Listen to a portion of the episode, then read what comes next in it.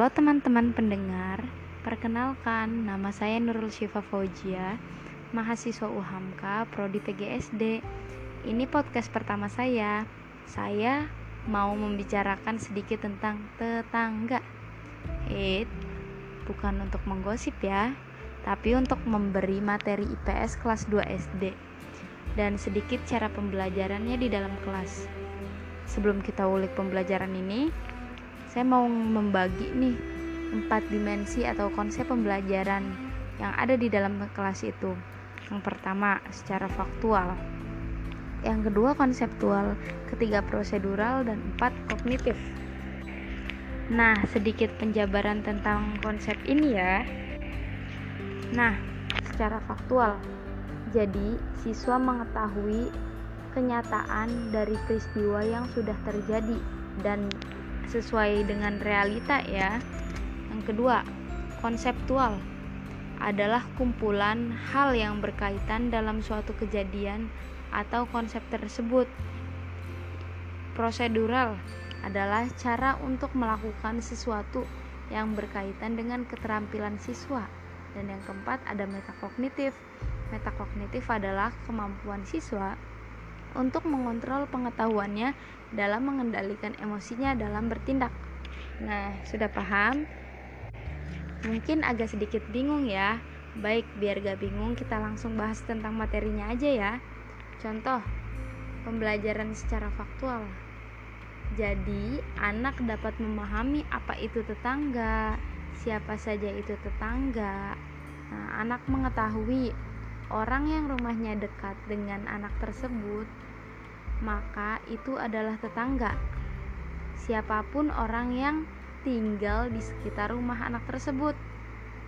Nah, secara konseptual, secara konseptual siapa aja sih tetangga? Nah, tetangga itu terdiri dari semua umur, dari teman bermain di dekat rumah, paman yang tinggal di di rumah sebelah, bahkan nenek yang ada di sekitar rumah kita. Nah, itu secara konseptual. Yang ketiga, secara prosedural. Gimana sih cara kita agar bisa rukun dan harmonis dalam bertetangga? Jadi caranya adalah siswa memahami dan tahu. Jadi siswa tahu caranya saling menghormati dan saling menolong, baik yang tua maupun yang muda yang tua menyayangi yang muda dan yang muda pasti harus menghormati tetangga yang lebih tua. Contohnya, menyapa setelah pulang sekolah.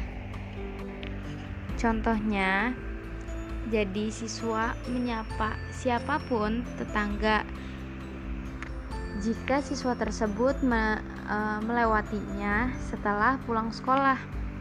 Dan kita bahas yang terakhir ya, secara metakognitif. Jadi siswa dapat mengimplementasikan atau siswa dapat melakukan hal-hal yang terkait dengan prosedural di atas. Jadi siswa dapat melakukan menyapa setelah pulang sekolah, menegur, bersenyum. Maksud saya tersenyum ya, tersenyum kepada tetangga yang ada di lingkungan. Dan siswa secara sadar jika melihat nenek yang di samping rumah terpleset atau terkena musibah, maka siswa berpikir untuk menolongnya dan dengan sigap dia e, menolong nenek tersebut. Dan di dalam pikirannya itu merupakan suatu kewajiban sebagai tetangga dan agar mereka dapat hidup rukun. Bagaimana teman-teman? Kita sudah dapat mengambil kesimpulannya masing-masing ya tentang materi ini. Baik, saya akhiri ya. Sampai jumpa di podcast-podcast selanjutnya.